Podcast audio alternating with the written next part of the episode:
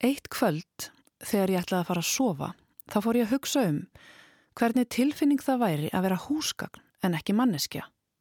Þið vitið að mann er dettustundum ímislegt skemmtilegt í hug þegar maður liggur vakandi. Og þá fannst mér ég heyra mjög djúpa og hátilega rött segja. Ég er sendibóði frá aðstaráðinu og ég tilkynni þér að það hefur verið ákveðið að því mannverðurnar verði að breytast í húsgögn og halda þeirri mynd í eitt ár af lífi ykkar að minnstakosti. Nú er komið að þér. Þú mátt sjálf velja hvers konar húsgagn þú vilt vera og hvar þú vilt eiga heima. Góði hlustendur, þannig hefst formáli barnabókarinnar Kistan på Hergårdsvinden, Kistan á Herragarðsháaloftinu eftir sænska höfundin Elsu Beskov, bók sem fyrst kom út árið 1926. Og það er einmitt það sem Elsa Beskov segist helst vilja vera ef hún væri húsgagn, kista upp á háalofti stórs herragarðs, blámáluð gömul kista, skreitt blómaminstri og með ártal á lokinu og full af alls konar heitlandi hlutum sem gaman er að skoða, bæði fyrir börn og fullorna. Livandi húsgagn, livandi hlutur, Það er helst í barnabókum sem slíkar verur koma fyrir. Flestum börnum finnst reyndar hálfpartinn að brúður þeirra og bánsar séu lifandi og slík tilfinning getur líka færst yfir á aðra hluti. Margir ritöfundar hafa veitt þessum ímyndunum barna aðtigli og þær koma stundum við sögu í skáldverkum fyrir fullorna. Í skálsögunni Sjálfstæðu fólki eftir Haldur Lagsnes er rakið samtal nonna litla við ömmu sína. Hún segir honum að allir degi einhver tíma, jafnvel pappi hans, þótt nonna þykir það ótrúlegt. Þá kom þróskan upp í drengnum og hann spurði, Amma, getur þvaran dáið? Hanna nú, saði gamla konan, eins og heldi hann ætla að fara að byrja á einhverju óþægt. Amma, en svarti potturinn, Dautt er dautt barkind, sagði hún. Nei, sagði drengurinn, þau er ekki dauð. Á mornana þegar ég vakna, þá eru þau ofta að tala saman. Drengnum finnst hann í raun og veru heyra búsáhöldin tala saman þegar hann er einn vaknaður snemma á mornana. Dautt er dautt, segir amman, og líklega væru flestir fullornir á sama máli og hún. Samt hefur hugmyndin um lifandi hluti heitlað fleiri en börn, það má einnig finna hana í skáldverkum fyrir fullorna. Og þó að skinseminn segir manni að allir hlutir séu döðir, geta tilfinningarnar sagt manni annað. Það eru engum hlutir sem margar minningar eru tengdar við sem geta orðið alltaf því lifandi í hugamanns, orðið eins og gamlir vinir. Hér í þættinum verða nú fluttar nokkra tónsmíðar þar sem lifandi hlutir koma við sögu og lesið úr fá einum slíkum skáldverkum. Ævintýraskáldið Hási Andersen skrifaði oft um lifandi hluti. Flippi, peningur, penni, ljósker, allt var lifandi hjá honum. Þó að sögur hans væru ætlaðar börnum eru þær fullgild lesning fyrir fullorna og í rauninni á fullorðin lesandi betra með að skilja háðið í sumum sögumans en barnungur lesandi. Þannig er það til dæmis með söguna um stagnálina. Einu sinni var stagnál og hún var svo fín með sig að hún heldum að væri sömnál. Gætið að því ákverjiði haldið, saði stagnálinn við fingurna, sem tók hana upp. Missiði mig ekki, ef ég dett á gólfið er líkast til að ég finnist ekki aftur, ég er svo fín. Hóf er best, sögðu fingurnir og kristana um mittið. Lítið á, ég kemi fríðu förunetti, sagði stagnólinn og dró á eftir sér langan þráð, en engin var þó á hann hnúturinn. Fingurnir styrðu nálinni bent á innisko eldabuskunar. Þeir höfðu ripnað á ristinni og nú átt að staga þá saman. Þetta er þræla vinna, sagði stagnálinn. Ég kemst aldrei í gegn, ég brotna, ég brotna og svo brotna hún. Vissi ég ekki, sagði Stagnálinn, ég er of fín. Stagnálinn lendir síðan í marskonar rakningi en er alltaf jafn fín með sig.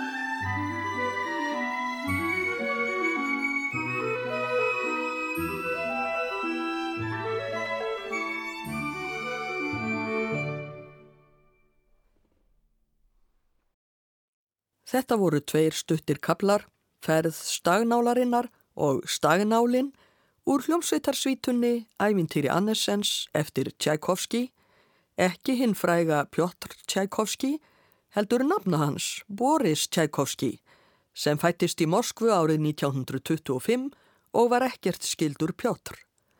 Kammersveitin Musika Viva leik og Kirill Ershoff stjórnaði.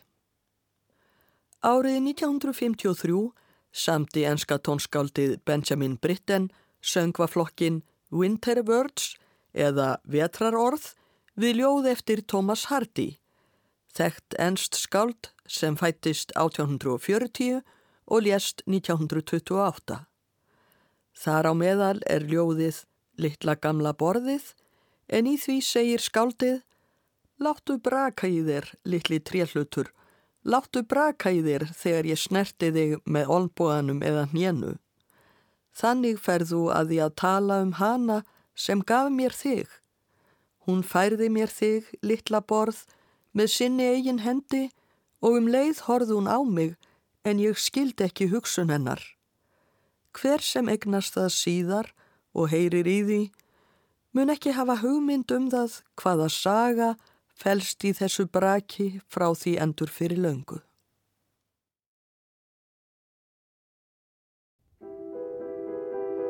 Creak, creak, little wood thing, little wood thing, creak, creak, when I touch you with elbow or knee.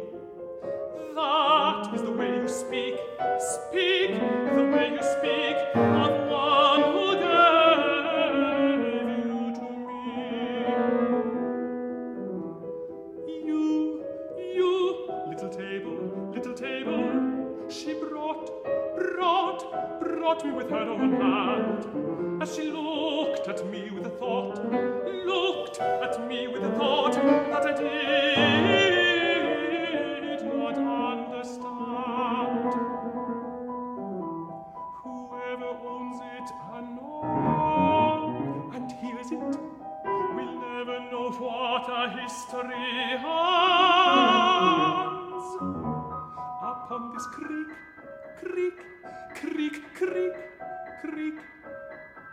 Robin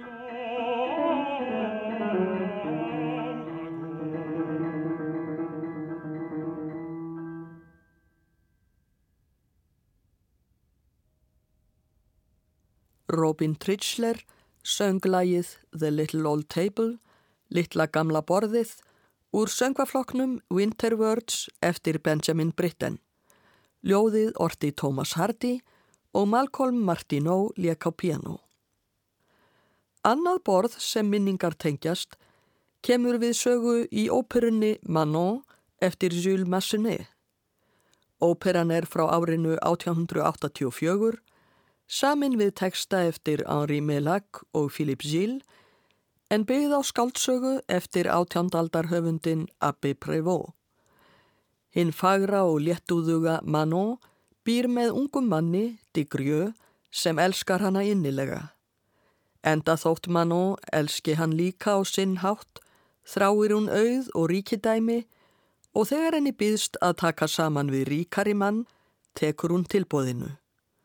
Hún er samt öpur yfir því að þurfa að yfirgefa digrjö og áður en hún fer, lítur hún á borðið sem þau hafa alltaf setið saman við.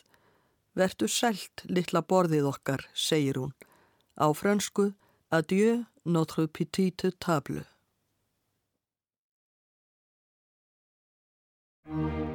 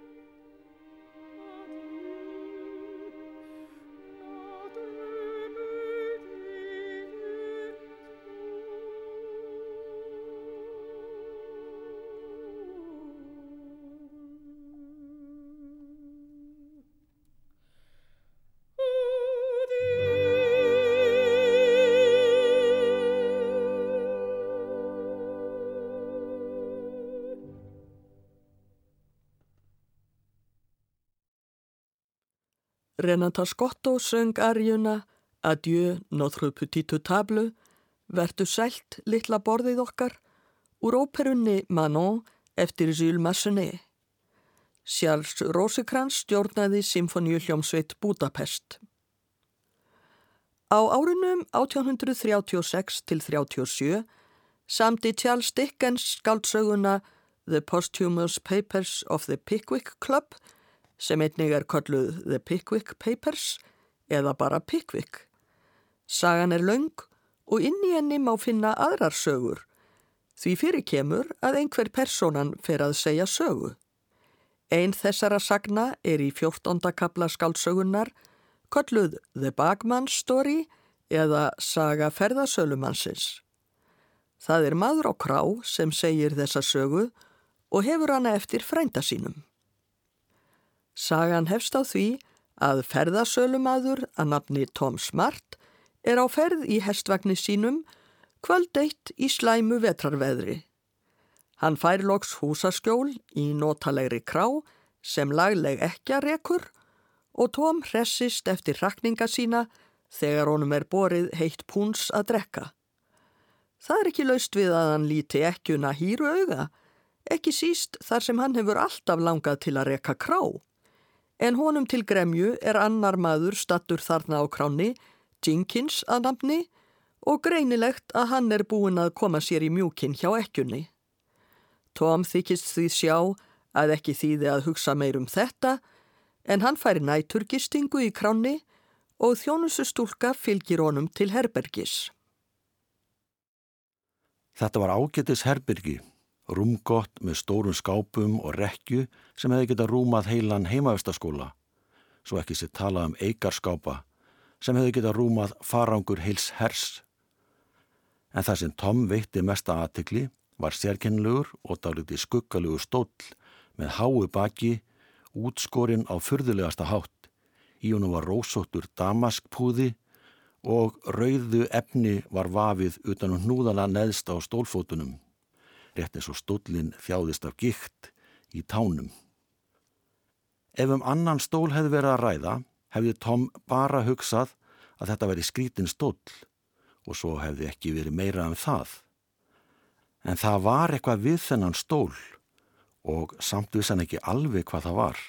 Stóllin var svo undalegur og ólíkur öllum öðrum húsgögnum sem hann hafi séð að hann gagntók hann.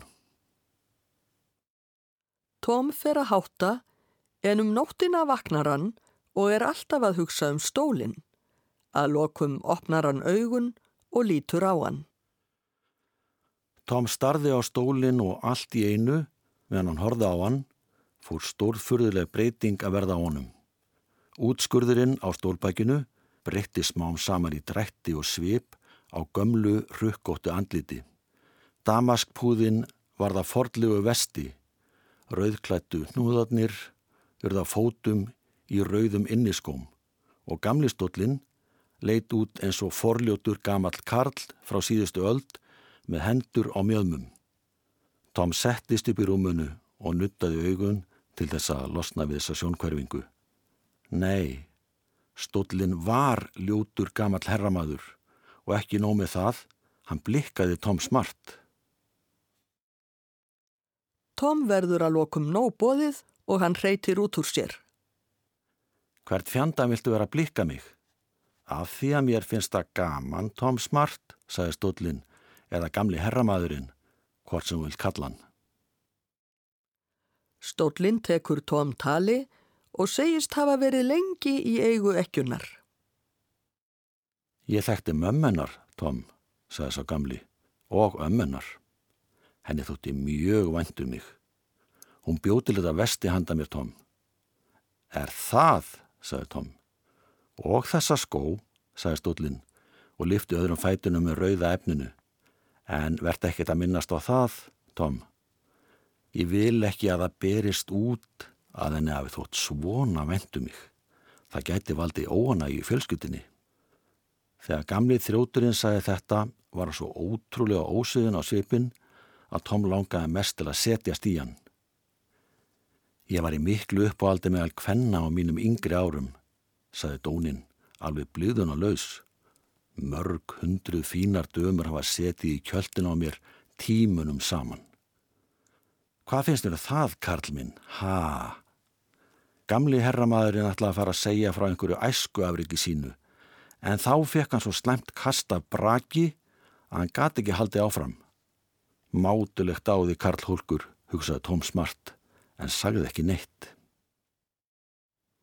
Stóllin segist eiga sérstakt erindi við Tóm Smart. Hann beri velferð ekkunar fyrir brjósti og vilji að Tóm kvænist henni. Þegar Tóm segir að annar maður virðist orðin þar á undan sér, segir Stóllin að það verði nú ekki af því. Sá maður sé mest í vandræðagemsi og væri víst til að selja öll húsgögnin og stinga af með ágóðan. Og þá myndi ég bara kvefast í einhverri veðlónara búðinni, segir Stóllin. Hann segist vita að Tóm myndi ekki gera neitt slíkt. Hann færi aldrei að yfirgefa krá meðan þar væri til degur dropi. Þess vegna skuli Tóm giftast ekkjunni. Jenkins sé meira að segja þegar giftur og Stóllin vísar Tóm á sönnunargögn fyrir því, bref frá konu Jenkins í buksnavasa hans í skáp sem Stóllin bendir á. Að þessu mæltu fer mynd gamla herramannsins að óskýrast, hann fer aftur að líka stól og Tóm sopnar. Um morgunin þegar Tóm vaknar, lítur hann á stólinn og skilur ekkert í því að honum skildi sínast hann vera gamal herramaður um nóttina. Hvað segir þau gamli minn, sagði Tom. Hann var djarvar í dagsljósinu. Það eru flestir. Stólinn var hreyfingalös og sagði ekki orð. Leiðinda veður, sagði Tom. Nei, stólinn vildi ekki taka þátt í samræðunum. Á hvaða skáp bendur þú? Þú getur sagt með það, sagði Tom. En fjandakornið að stólinn segði aukatekið orð. Þrátt fyrir þetta gáir Tom inn í skápinn og finnur þar buksur eins og stólinn hafði sagt og í buksnavasanum er bref frá konu Jenkins. Tom er ekki setna á sér að nota sér þetta og segir ekkjunni allt saman. Hún verður stórneiksluð á sveikum Jenkins og kemst í mikið uppnám. Tom er hins vegar ekki í vandræðum með að hugga hana, þau taka saman og allt fer eins og stólinn ætlaðist til. Og það brakar mikið í stólnum á brúðkaupstegi þeirra, en hvort það stafar af ánæju eða elli veit Tom Smart ekki. Hann stóð út í horni og stöðugur beig Svo stoltur og reyndur í gegn. Hann æðraðist hverger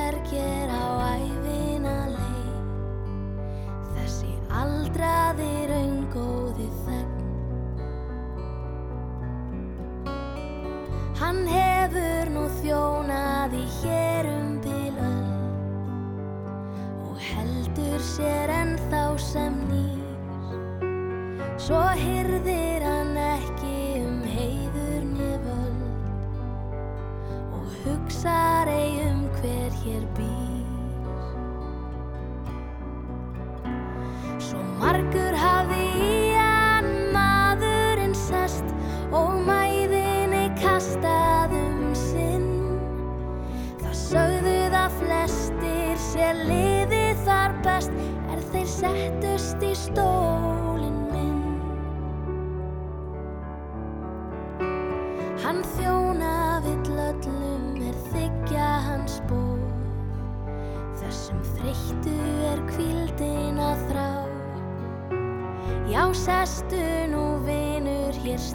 styrkfærð og stóð.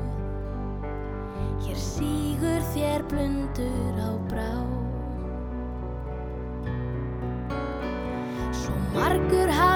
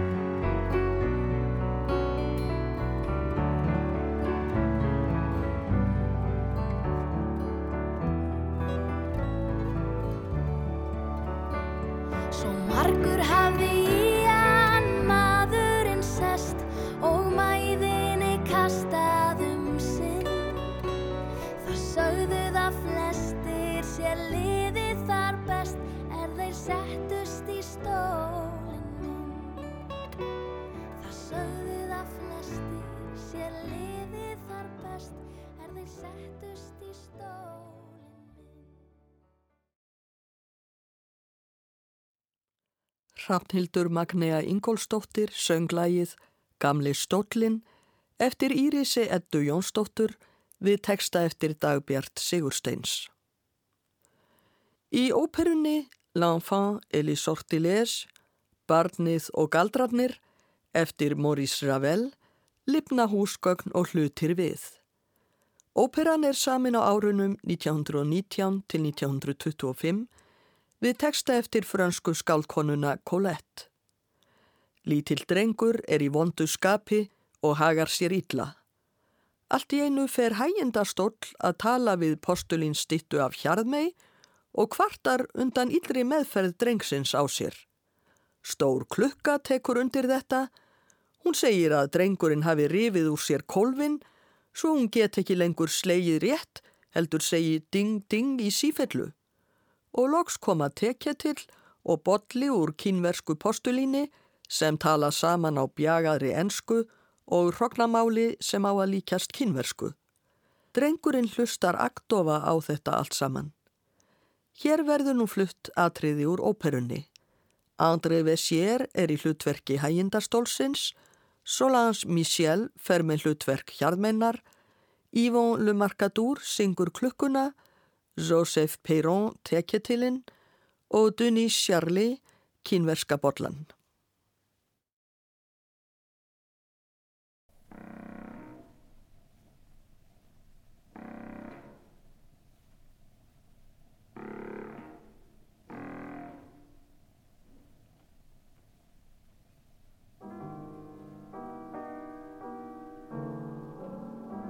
Votre terrible berger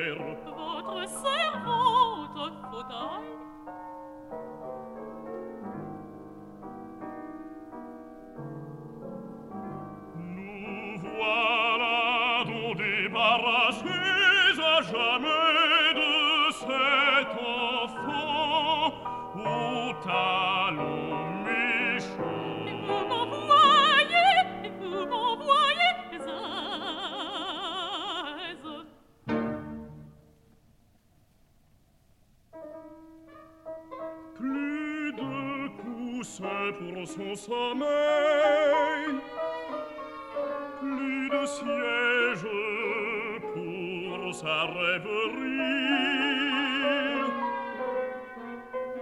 Plus de repos pour lui que sur la terre nue.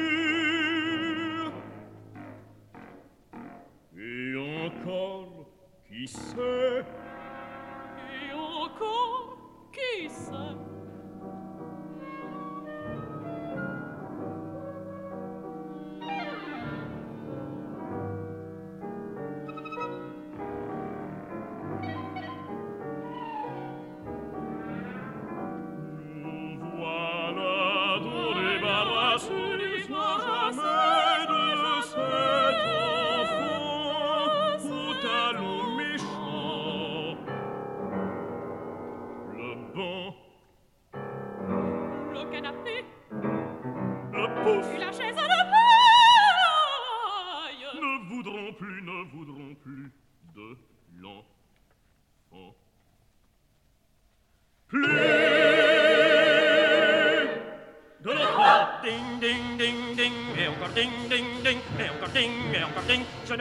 De sonner, je ne sais plus l'heure qu'il est. Il a ôté mon balancier. J'ai d'affreuses douleurs de ventre, j'ai un courant d'air dans mon centre, et je commence à divaguer. Ding, ding, ding, laissez-moi au moins passer, que j'aille cacher ma honte, sonner ainsi à mon âge. Moi, moi, qui sonne de douces heures, heure de dormir, heure de veiller, heure qui ramène celui qu'on attend, heure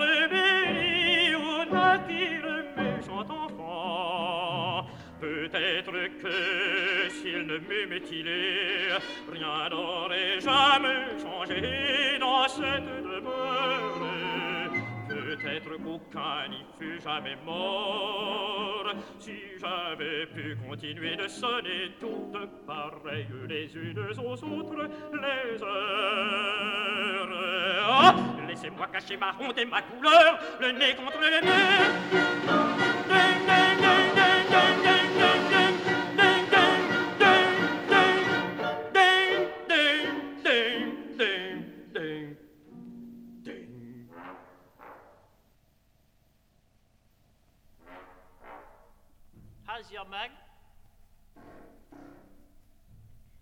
Johnson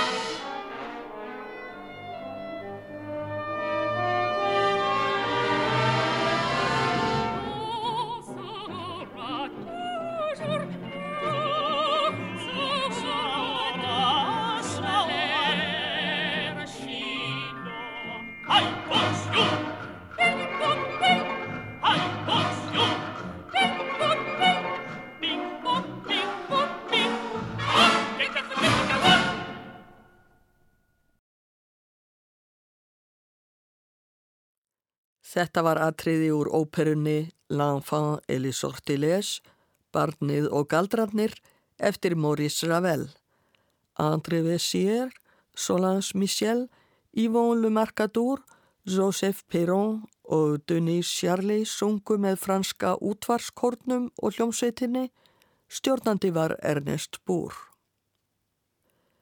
Í smásögunni Sagana vekjaraklukkunni eftir Ólaf Jóhann Sigursson virðist vekjaraklukka lifna við.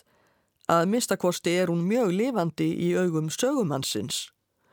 Ungum rítöfundi verður gengið niður í fjöru og skyndilega heyrir hann skrítið hljóð, tigg, tigg. Hann gengur á hljóðið og sér þá brotna vekjaraklukku sem liggur þarna í skrambing. Þótt hún sé brotin, gengur hún enn og rítöfundurinn virðir hana fyrir sér. Gott veður í kvöld, saði ég loks til þess að sínni fram á að ég kynni að velja hendut umræðefni. Jú, vekjarklukkan gat óðara fallist á að ekkert væri út á veðrið að setja. Það er aðfall, saði ég og góndi upp í heiminkólfið. Sá allt í hennu blikur á lofti. Hver veitnum hann kvessi? Æ, það þótti vekjarklukkunni ljótu spátumur og tyggið í henni var skrikkjótt í byli líkt og kulda hrollur færum hana alla. Þú verðist eitthvað að fáa að eða hversna liggur í hér, spurði ég. Vekjarklukkan gaf mér ekkert út á það, heldur small gletnislega í gangverkinu hennar, eins og vildi minna mig á að enn væri þetta aprilkvöld fagurt og vorhúm í nánd. Kanski þú sért húsbóndalus, saði ég. Kanski þú sért til ég að koma í nýja vist. Vekarlukkan svaraði ekki þessari spurningu beinlinis. Heldur hringd hún ofsalega svo ég gæti gengið úr skugga um að bjallan hennar stæði ekki á nokkur nátt að baki öðrum bjöllum. Þannig hefst samvera rítöfundarins og vekjaraklukkunar. Sagan verður ekki frekar rakin hér nema hvað þess skal getið að samband manns og klukku fer brátt að líkast ástasambandi þar sem gengur á ímsu. Fyrr hér í þættinum heyrðum við Arju úr óperunni Manon þar sem aðalpersonan kvatti borð. Til er önnur hveðju Arja af svipuðutægi en þar er það frakki sem kvattur er. Þetta er Arjan Vecchia Cimarra úr óperunni La Bohème eftir Giacomo Puccini. Colline, fátækur heimsbyggingur, þarf að veðsetja frakkansinn. Hann syngur, gamli frakki, nú verðum við að skilja. Ég þakka þér. Þú beigðir aldrei bak þitt fyrir hinnum ríku og voldugu, heldur geimdir þú í vösum þínum heimsbyggi og skálskap. Nú eru þeir gleði dagar á enda. Tryggi vinur minn, verdu sæl. vecchia zimarra sei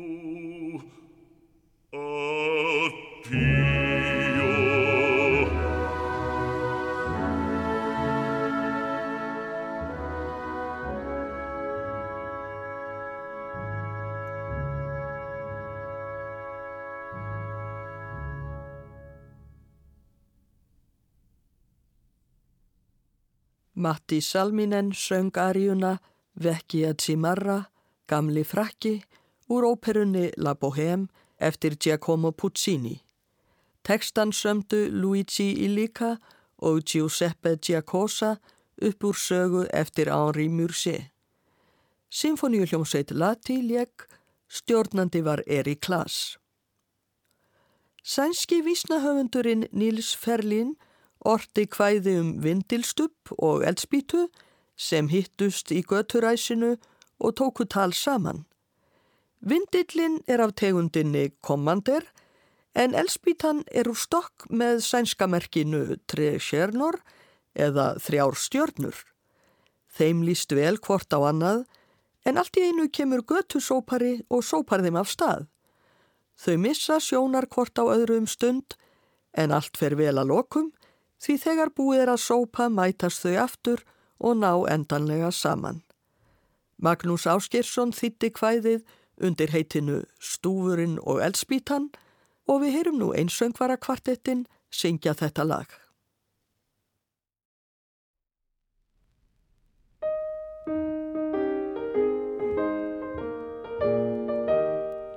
Í skugga hverfin elspít ein með Í ymsa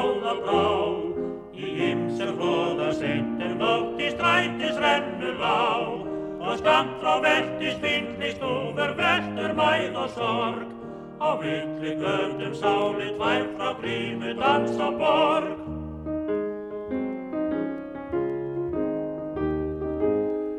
Og færa elspít afsakið. Í naumi stúfur hvað? Mitt ættarnafn er víða þekkt og kommandur er það Það var í ógátt hefa löst að einhver fleiði mér. Vort æsku vor það brennur fljótt og því oss töpum vér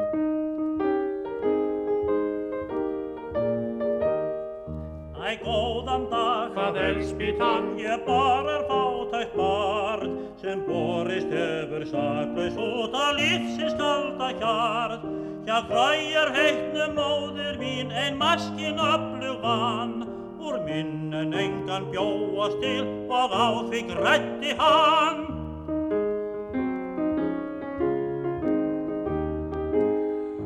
Kæra elspít en hvað þetta er annars merkilegt. En eins og ég hef þegar sagt er ég af forðri slekt Og inn í hilki pakkað var mér príðilega lit Og parlamentið enska stendur bak við nafni mitt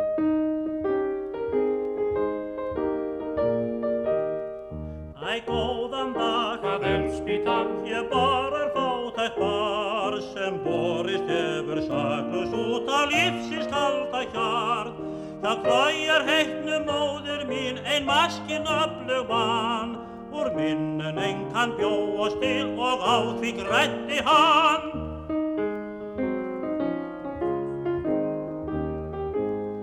Og kæra elspít en hvað þetta er annars merkilegt En eins og ég hef þegar sagt er ég af forðri slekt Og inn í hilki pakkað var mér príðilega lit Og parlamentið enska stendur bak við nafni mitt.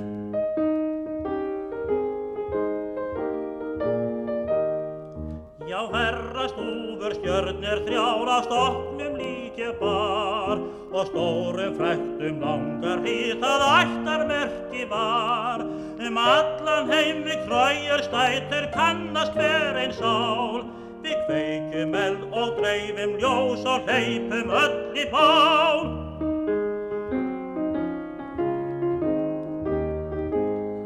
Og fagra elspít ef þú gætir aðeins kveikt í mér Hann nóðar hvað Þú finnir bragð af réttum kommander Af vísu er ég eis og hvítur eins og ég var fyrr.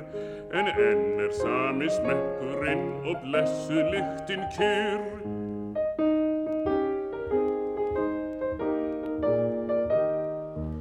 Allt í einu þauðu bæð og þau fæst af hjó Því hálsett person einhver Svo röttist þau í strætar ríkið allskilinn og ein Og eindi skildi stúfsis harm ég fyrst í dummar kvein.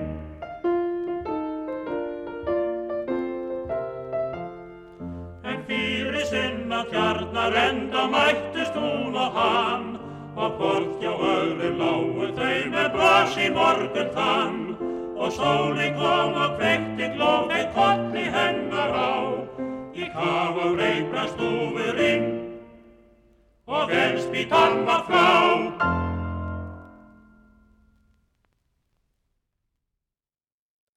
Þetta var Stúfurinn og Elspítan, lag og texti eftir Níls Ferlín í þýðingu eftir Magnús Áskirsson. Magnús Ingimarsson útsetti lagið, einsöngvara kvartettinn söng og Ólafur Vignir Albertsson leik með á piano. Það er æfa gamall síður að ímynda sér að hlutir séu lifandi.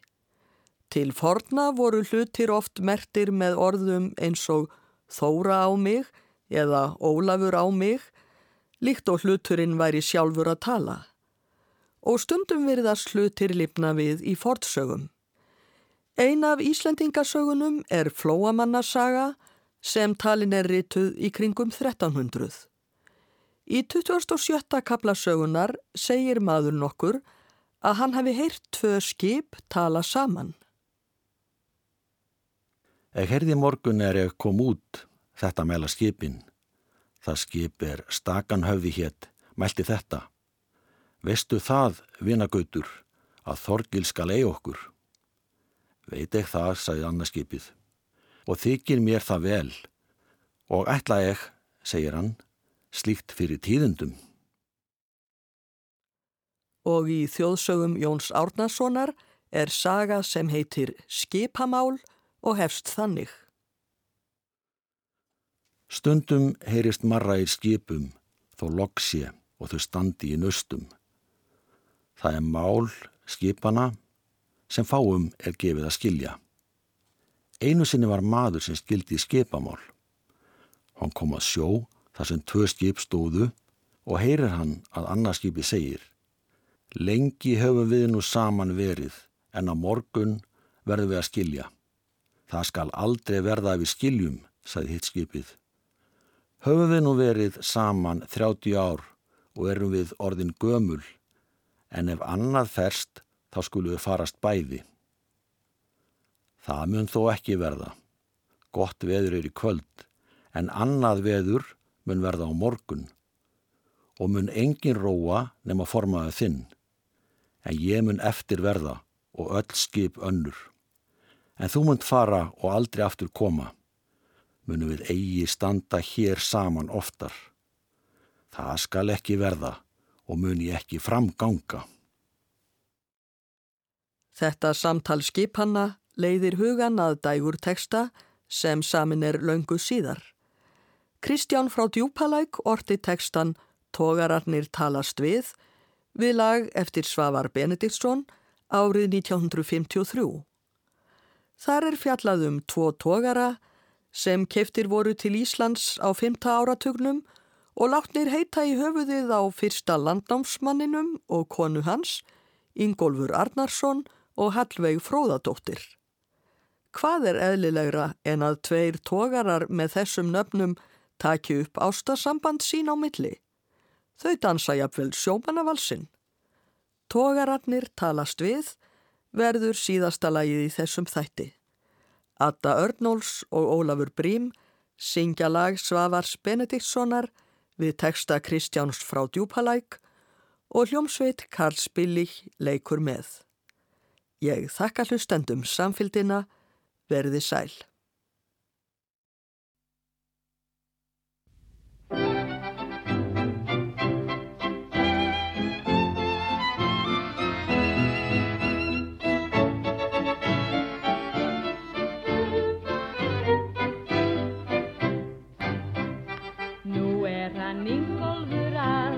Arnarsson svo ástfangi líkt og forðum og heimurinn þekkir hvernig fer en hjarta gengur úr skorðum hann dreymir stöðugt um dægu löng og dimmar hafður í sóttum og sér ekki annað um höf og höf en hallveigur fróða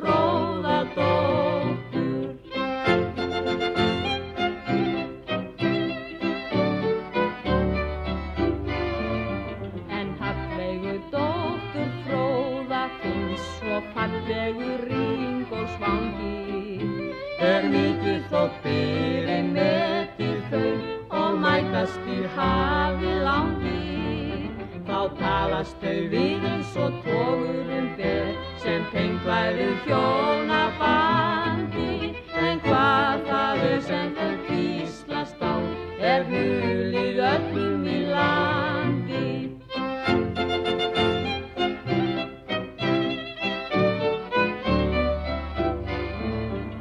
Og þegar þau líka hlið við hlið í höfn gerast ævintýri Þau horfa hvort annar hrifin á frá hvalbak aftur að stýri. Er hafnar í sína veirum best og æskuna fangar galsinn. Þau saman á lefunni bubla dál og dansa sjómann á valsinn Svo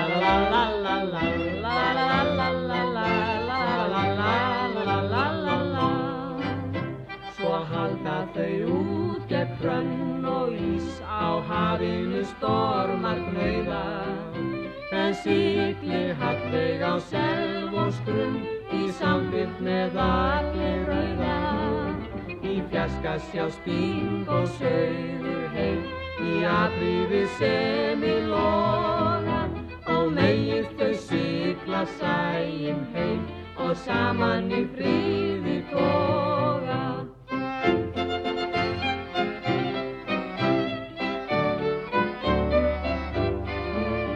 Í fjarska sjá sting og sögur heim, í atriði sem í loga og megið þau sigla sæjum heim og saman í fríði